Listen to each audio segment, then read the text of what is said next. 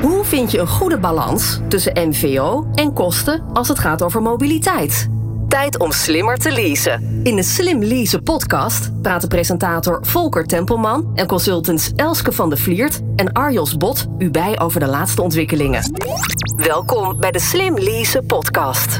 Deel 6 van de Slim Leasen podcast. Elske en Arjos, welkom. Goed dat jullie er zijn. Dankjewel. Deze keer hebben we het over de mobiliteitsregeling. Arjos, wat is dat, een mobiliteitsregeling? Ja, die vraag kon ik verwachten natuurlijk. Hè? Ja, wat is een mobiliteitsregeling? Dat is een regeling waarin je mobiliteit organiseert, vastlegt. Het is eigenlijk een soort van beleidsdocument. Um, ik als uh, werknemer van, laten we zeggen, een leasemaatschappij, Arval, ben gewend om leaseregelingen te zien. En een kenmerk van een traditionele leaseregeling is dat die vooral over leaseauto's gaat. Ja. En voor mij is een mobiliteitsregeling een regeling die veel breder is. Die ten eerste over alle medewerkers iets vertelt over hoe de mobiliteit eh, geregeld is. En vooral ook verder gaat dan alleen een leaseauto. En dus verschillende vervoersvormen met elkaar combineren. Daarmee kom je tot een echte mobiliteitsregeling. Ik zie Elske een klein beetje. Is dat voor jou ja. ook een, eh, de mobiliteitsregeling, Elske? Ja, inderdaad. En waarbij je dus ook uh, breed kijkt, niet alleen naar wat het moet bieden, uh, maar ook wat, welk ja, tot welk doel je ermee hebt, zeg maar. Dat je echt wel goed beschrijft van... oké, wij hebben die mobiliteitsregeling zo opgesteld... zodat we dit en dat kunnen bereiken. Zodat onze medewerkers kunnen gaan en staan uh, waar ze willen... als het nodig is voor hun, uh, voor hun werk. Zodat uh, medewerkers maximale flexibiliteit hebben. Zodat we bijvoorbeeld kunnen sturen op CO2-uitstoot. Zodat, nou ja, dat soort dingen, dat, dat hoort er ook in. Het moet een bepaald doel hebben. En waarom is een mobiliteitsregeling zo belangrijk? Nou ja, of je wil of niet, uh, als je een bedrijf hebt met medewerkers, dan is er mobiliteit. Ja. Um, zelfs als uh, je uh, een bedrijf hebt waarbij je instelling is dat alle medewerkers thuiswerken. Dat zie je nog wel eens. Bijvoorbeeld callcenters wil dat nog wel eens gebeuren. En, uh, maar dan nog, dan heb je dus ook een mobiliteitsregeling. Namelijk, mensen moeten thuis kunnen werken. Precies. En zo uh, ja, behoed je ze van mobiliteit. Dus voor alle bedrijven, groot, klein, is uiteindelijk een mobiliteitsregeling relevant. Maar ja, goed, als je met z'n drieën bent, dan is het een stukje overzichtelijker, zeg maar, dan uh, met z'n drie honderden. Ja, precies, voor in een, een organisatie waar uh, inderdaad honderden mensen aan het werk zijn. Maar het kan ja. dus alle kanten op. De mobiliteitsregeling, ja, het klinkt bijna als een wet die door de minister is gemaakt. Maar dat is dus uh, eigenlijk helemaal niet zo. nee, helemaal niet. Zo streng is het allemaal niet. Ja, nou, misschien wordt het wel afgedwongen. Het zou zomaar kunnen. En er is natuurlijk wel het fiscale kader waar we allemaal ons ja, aan moeten houden. Wat bedoel je daarmee?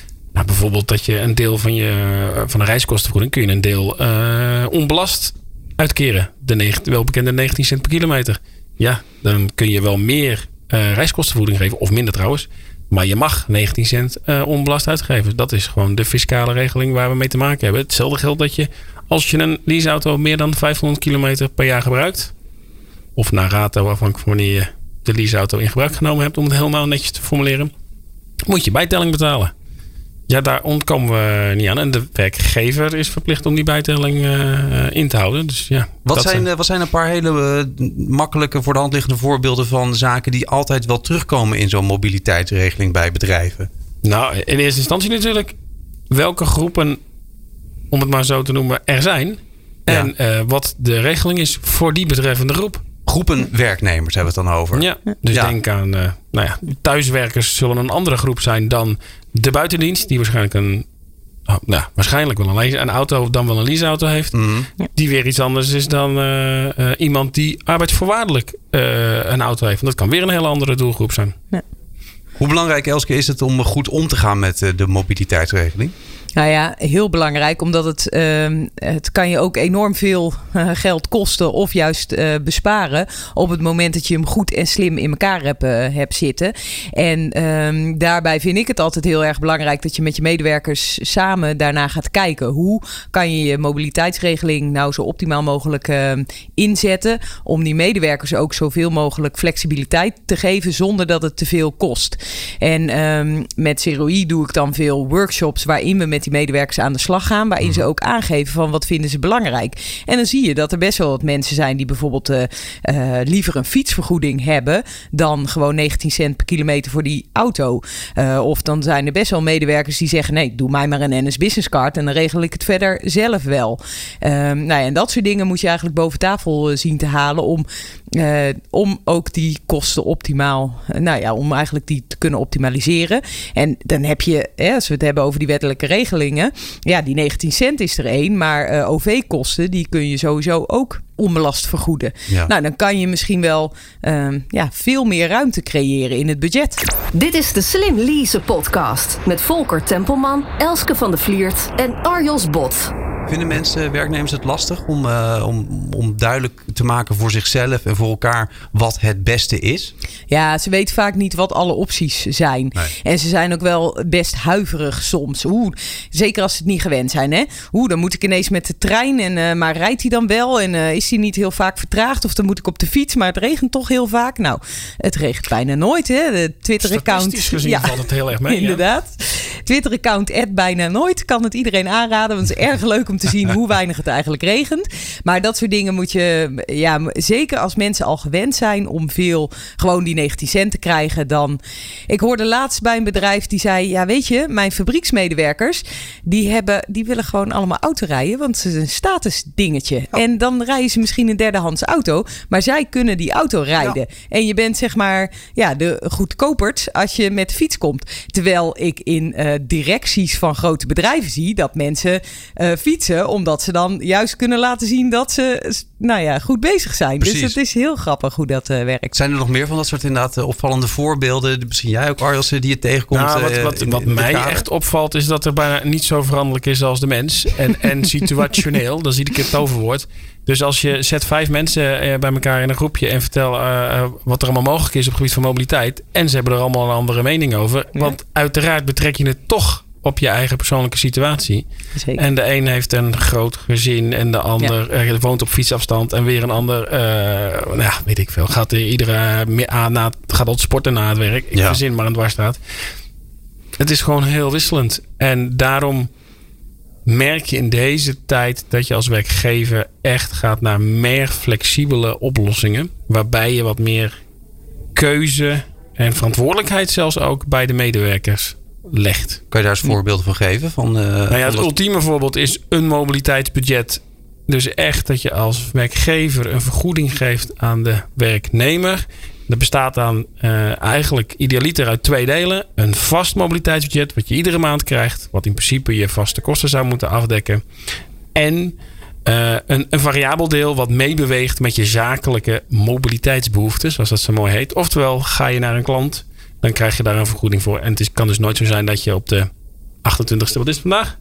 De 29ste van de maand eh, niet naar de klant gaat, omdat je budget op is. Nee. Nee. Maar dan kun je zelf bepalen welk vervoersmiddel op welk moment voor jou het best passend is. En dat kan best de ene dag een auto zijn, of een deelauto, of een huurauto, of een privéauto, private lease auto, OV, fiets, alles kun je gewoon dan met elkaar eh, eh, combineren. Combineer, ja, ik zie jou meeknikken. Ja, zeker weten. Je moet er wel goed uh, randvoorwaarden aan stellen. Want ik heb uh, zeker in het verleden wel meegemaakt dat uh, mensen dan gewoon geld kregen en een oude auto gingen rijden. En nou, daar hou je er geld aan over, zeg maar. En dat Ja. is wat je wil voorkomen. Dus eh, ik, Je moet het wel managen. je moet het alsnog wel managen. Maar het geeft wel de maximale flexibiliteit. En eh, inderdaad, als je dan wel mensen helpt om de juiste keuzes te maken, dan, is dat, eh, dan, Ja. dan kan het als instrument heel goed werken.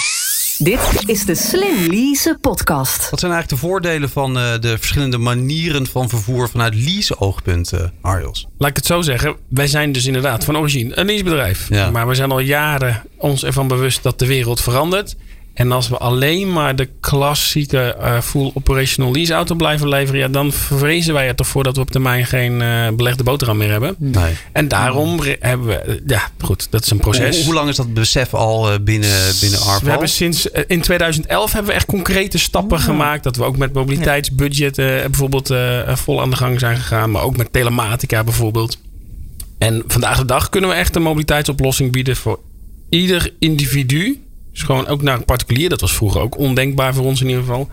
Uh, tot bedrijven van de ZZP'er tot en met ja, de grote uh, bedrijven met duizenden auto's. Je noemt, uh, je noemt telematica, kan je dat ja. eens duiden? Wat bedoel je daarmee? Ah, telematica, goed. Ja, dat is een beetje jargon natuurlijk. Ja, is jargon. ja, is jargon. Ja, hoor. ja nee, kijk, steeds meer auto's worden al dan niet al af fabriek door de fabrikant zelf van een ritregistratiesysteem voorzien. Uh, wij hebben daar ook onze eigen oplossingen voor. En andere partijen in de markt ook. En uh, uh, ja, met een ritregistratiesysteem kun je een aantal zaken. Het belangrijkste is natuurlijk gewoon data verzamelen. En dat kan gaan over het rijgedrag. Maar het kan ook gaan over het brandstofverbruik. Het kan ook gaan over waar iemand geweest is. En welke afstanden die bijvoorbeeld zaak of privé heeft afgelegd. Het geeft vooral dus inzicht. Mhm. En met inzicht kun je dingen doen. Dan kun je sturen. Of Ja, het, het, Je beleid op aanpassen. Ja, maar het kan ook, in jullie ook organisatie. belonen. Dat is heel veel, iets wat veel voorkomt. Omdat we met z'n allen weten dat belonen beter werkt dan straffen. Ja. Eh, en of we nou muntjes verzamelen of... eh, maar ja, Daar heb ik nog een, een nog leukere toevoeging op eh, qua belonen. Ja, dat is misschien wel een beetje. Mensen zullen het moeilijk vinden, maar er is onderzoek gedaan. Ehm, je kunt mensen straffen, inderdaad. Je kunt ze belonen. Je kunt ook zeggen: ik geef je vast de beloning. Lukt het, eh, doe je niet wat we hebben afgesproken, dan haal ik de beloning weer terug. dat nou, is als je echt wil dat het effectief is, moet je dat laatste doen. Wordt dat al toegepast, zover jij weet, in, eh, in dit kader, in de, in de mobiliteitsregeling? Niet zo heel specifiek. ik ken één voorbeeld. Ja? Ah, jij kent dus- heel goed. ja, één voorbeeld. Je geeft een medewerker een bedrag, laten we zeggen een tientje.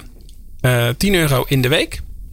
En dat is vooral een, een, een, een problematiek die zich voordoet bij als er te weinig parkeerplekken Ja? zijn. Mhm. Dat noemen we met een heel mooi woord geofencing. Dan ga je virtueel Oh een gebied afbakenen. Ja. En als je dan met je auto met een ritregistratiesysteem, want die is daarvoor nodig, in dat gebied dus komt, dan gaat er bijvoorbeeld 2 euro per werkdag vanaf. Mhm. Ja. Dus verander je je gedrag niet. Je blijft iedere dag Ja. gewoon op hetzelfde parkeerterrein waar schaarste is parkeren. pakken, ja. Dan ben je dat tientje aan het eind van de week weer kwijt. Ga je een creatieve oplossing verzinnen? Door bijvoorbeeld het laatste stukje met de Ja, fiets te ja, doen, ja. op de step, lopend, te carpoolen. Eh, openbaar voor iedereen. Het gaat om geld. Mensen Mhm. worden creatief. Ja, Het ja. raakt ze in de portemonnee. Ja, En dan opeens hebben ze 6 euro in de week extra. ja. Heel effectief.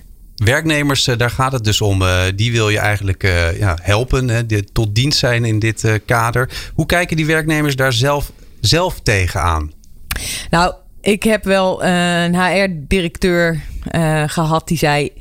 Ze stonden gewoon bijna huilend aan mijn bureau. En waarom was dat? Alleen maar omdat ze hadden gezegd dat ze uiteindelijk naar elektrische leaseauto's toe gingen. Maar die mensen dachten, ja, maar hoe moet ik dan met mijn kinderen op vakantie met een caravan? Dat, ik, die, die, die persoon zag het echt niet meer zitten, zeg maar. Hoe, hoe dat dan op termijn moest. En nou ja, dat, hè, ik bedoel, er zal meer hebben meegespeeld. Maar in ieder geval... Die zag zijn hele campingvakantie in duigen Ja, vallen ja, met de caravan in, in- Zuid-Frankrijk. Ja, inderdaad. Dus eh, aan de andere kant merk ik ook dat eh, bijvoorbeeld steeds meer medewerkers vragen om... Ja, maar kunnen we niet een elektrische fiets leasen? Kunnen jullie dat niet voor ons organiseren? Kunnen jullie, eh, beste eh, werkgever of beste gemeente bijvoorbeeld ook... niet een deelauto hier regelen? Die we dan ook nog met de buurt kunnen gebruiken. Maar dat, dat jullie dat organiseren, dan maken wij daar wel gebruik van. Dus ik zie aan de andere kant ook wel steeds meer medewerkers die mee gaan denken... en echt wel die behoefte hebben om niet meer gewoon die auto in te stappen. Wat zijn eigenlijk eh, klassieke mobiliteitsregelingen? Hoe ging dat vroeger? Ja, vroeger, vroeger had je gewoon de leaseregeling En en, de reiskostenvergoeding. de reiskostenvergoeding. En, ja. en, en, eh, En dat was eigenlijk best wel easy. eh, ja, en inderdaad. En, Ja. eh, en als je dan inderdaad met de trein ging, was het al ingewikkeld. Want dan, echt vroeger hè, moest je papieren kaartjes inleveren. Dus dat. Ja, iets met bonnetjes en Iets met bonnetjes en, en eh, ja, verzamelen. En- inderdaad. ja. Ja, en wat dat betreft, en nu nog steeds hoor, als je een fiets van de zaak krijgt, zeg maar, dan moet je eigenlijk je privékilometers apart registreren. En gelukkig zijn ze daarmee bezig om die regeling bijvoorbeeld te optimaliseren. Want dat is echt, ja, als je je privékilometers op de fiets moet gaan Ja, hoe registreren. doe je dat? Ja, niet. Ja, dat is gewoon, nee. Nee, dat Ja. wordt, volgens mij, volgens Nee. mij wordt het gedoogd. Ik Kijk, Ja, inderdaad, De officiële maar regeling de en ook ja. 100% bijtellingen over Ja, een fiets. Inderdaad, En dat is echt ja, volkomen dingen. Ja. Maar goed, vroeger was het inderdaad heel eenvoudig. Of je kwam met je eigen vervoer en dan kreeg je 19 cent. Sommige, eh, ik heb het nog wel meegemaakt hoor. Niet heel lang geleden dat de eh, medewerkers 32 cent kregen. Dus dat er behoorlijk eh, ook belasting over moest worden Mhm. acht- eh, afgedragen. Ja, en dan had je ofwel een leaseauto omdat je veel kilometers moest maken voor de zaak. Ofwel omdat je gewoon hoog in het bedrijf zat. Ja. ja. Dat verandert dus, want we Ja. zijn niet meer eh, vroeger. We zijn nu in het nu. Eh, wat is nu populair? Nou, ehm, eh, gewoon de NS Business Card als, eh, als default, zeg maar. Als oké, dat krijg je. Een Eh, mobiliteitskaart. Of een, ja, een mobiliteitskaart. Als je het nog wat uitgebreider doet. Zodat je ook zeg maar, van bijvoorbeeld een, een deelauto gebruik kunt maken. Ja. Veel meer fietsen zie ik in die mobiliteitsregeling. En ook het thuiswerken daarin meenemen hoe je dat organiseert. En dat er steeds meer middelen voor komen. Ik weet niet? Ja, en ook wel ja, het- toch eh, prikkels of stimulans om het gedrag te beïnvloeden. Dus bijvoorbeeld prikkels om eh, niet meer langs de snelweg te tanken. Omdat iedereen wel weet dat langs de snelweg tanken wat, wat echt wel duurder is dan Ja. ondermand. Maar ook ehm, denk aan voorbeelden om eh carpoolen te, te stimuleren. En daar Ja. een beloning aan te hangen. waardoor er een win-win-win situatie ontstaat. En bijvoorbeeld ook met een bonus-malus überhaupt werken. Of met een bonus-malus bijvoorbeeld op CO2-uitstoot. Hè? Dat je als Ja. organisatie zegt, eh, onze uitgangspunt is eh 0 gram CO2 of 50 gram CO2. Dat kan niet heel anders zijn. Mhm. En ga je er eh, boven zitten, dan betaal je bijvoorbeeld een euro per maand voor iedere gram CO2 die jouw auto eh, op papier uitstoot. Dit is de Slim Lease podcast. Misschien een rare vraag, maar eh, bieden jullie als uh, leasemaatschappij ook wel eh, het idee aan om inderdaad thuis te gaan werken? Want doe het maar gewoon eh, vanaf eh, de, de iPad bijvoorbeeld. Ik eh, vanuit Arval Consulting, Ja. onafhankelijk, absoluut. Want iedere niet gereisde kilometer is natuurlijk de meest duurzame Ja. eh, Ja. kilometer. En ook de goedkoopste trouwens. Ja, maar ja, Ja. dat is natuurlijk uiteindelijk niet goed voor de business van het leasebedrijf. maar ja, dat zei ik al. Als, als wij niet meegaan in hoe de Ja. wereld zich ontwikkelt, ja, dan hebben we straks echt heel veel Ja. mooie auto's. Dat is dan maar belangrijk, niet meer voor ons. Stel, stel je nou voor, hè, straks werkt iedereen virtueel. Dus je hoeft echt letterlijk niet meer eh, naar kantoor om wel op kantoor te zijn. Gewoon omdat je thuis in je kokonnetje stapt en nou daar bent. Webcams en eh, microfoons en hangen er al. Echt helemaal dat je denkt, ik ben er, maar ik ben er niet. Als Arval dan auto's blijft aanbieden, ja, kansloos. Als ze die kokonnetjes gaan aanbieden, en weet je, dan hebben ze nog bestaansrecht. Dus Ja. je, je moet ook wel als leasemaatschappij daarin mee. En ehm, ja, verschillen wij natuurlijk niet van een ander bedrijf. Je, Nee, de wereld nee, verandert. eh, ja. Jullie gaven net het voorbeeld van eh, de huilende medewerker met de caravan eh, die Ja. niet meer naar, Ja, de, ja. naar de camping kon. Hoe begeleid je werknemers goed in de transitie naar andere vormen van mobiliteit? Ja, daar is uitleg, communicatie is wel heel belangrijk. Dus Mhm. over het algemeen zeg je als werkgever eerst: dit zijn onze doelstellingen, of hier willen we naartoe, dit is de beweging die we in gang willen zetten en, en hier staan we voor. En dat is over het algemeen ook wel prima uit te leggen aan bijvoorbeeld een OR. Ehm, en als je dan de medewerkers meeneemt, ehm, en dan hangt het er ook een beetje vanaf hoe je, of het echt geforceerd is, of vanaf die datum moet. Het dan bijvoorbeeld een overgangsperiode is, dat mensen wat kunnen wennen. Ehm, en dat is hetzelfde met elektrisch rijden. Eh, In eerste instantie eh, trappen er best wel mensen op de rem. Die hebben allemaal zoiets wow, even niet bij mij. Maar zodra ze eenmaal ervaren hebben hoe het is om elektrisch te rijden. Mhm. En ze nagedacht hebben over, oh, maar voor die drie weken in een jaar kan ik ook gewoon voor mezelf even iets anders regelen. Ja, dan is het allemaal niet zo eh, ingewikkeld meer.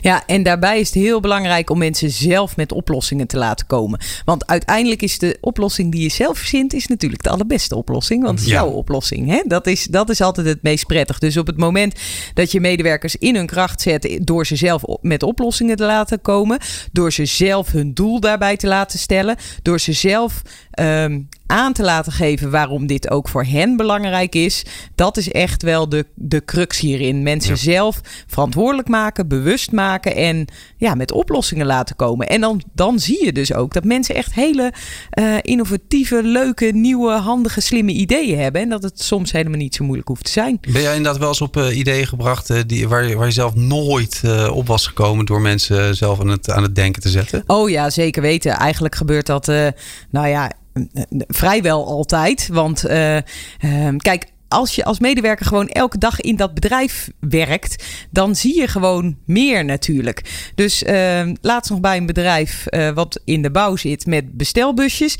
En die zeggen, ja, maar we moeten ook naar lichter gereedschap toe. Ik denk, ja, Weet je, dat gaat, niet, dat gaat hun geen nul emissie opleveren. Maar inderdaad, als je lichte gereedschap in je bus legt, ja, dan hoeft hij een stuk minder mee te sjouwen. Precies. En dan denk ik, ja zo, simpel, zo, ja, zo simpel kan het ook zijn. En dan moeten ze nog wel veel meer doen. Maar weet je, dat soort stomme dingen waar je dan niet Dragen bij stil... allemaal bij. Dragen allemaal bij. En als ze dat zelf hebben bedacht, dan wordt een extra maatregel die misschien wat moeilijker is, ook wat makkelijker te implementeren. We zijn bijna aan het eh, eind van deze Slim Lease podcast. Eh, wat zijn jullie eh, belangrijkste tips voor eh, de mobiliteitsregeling? Noem er één, Arjos. Hou hem eens kritisch tegen het licht. Mee eens, Elske? nou, daar ben ik zeker mee eens. En dan eh, samen met je collega's. Hartstikke Ja. goed. Als mensen deze podcast willen terugluisteren, waar kan dat, Elske? Slimleasenpodcast.nl Dit was hem, de Slim Lease podcast. Tot de volgende keer. Tot zover deze aflevering van de Slim Lease podcast. Zorg dat je op de hoogte blijft van alle ontwikkelingen op het gebied van zakelijke mobiliteit. En luister ook naar de volgende aflevering.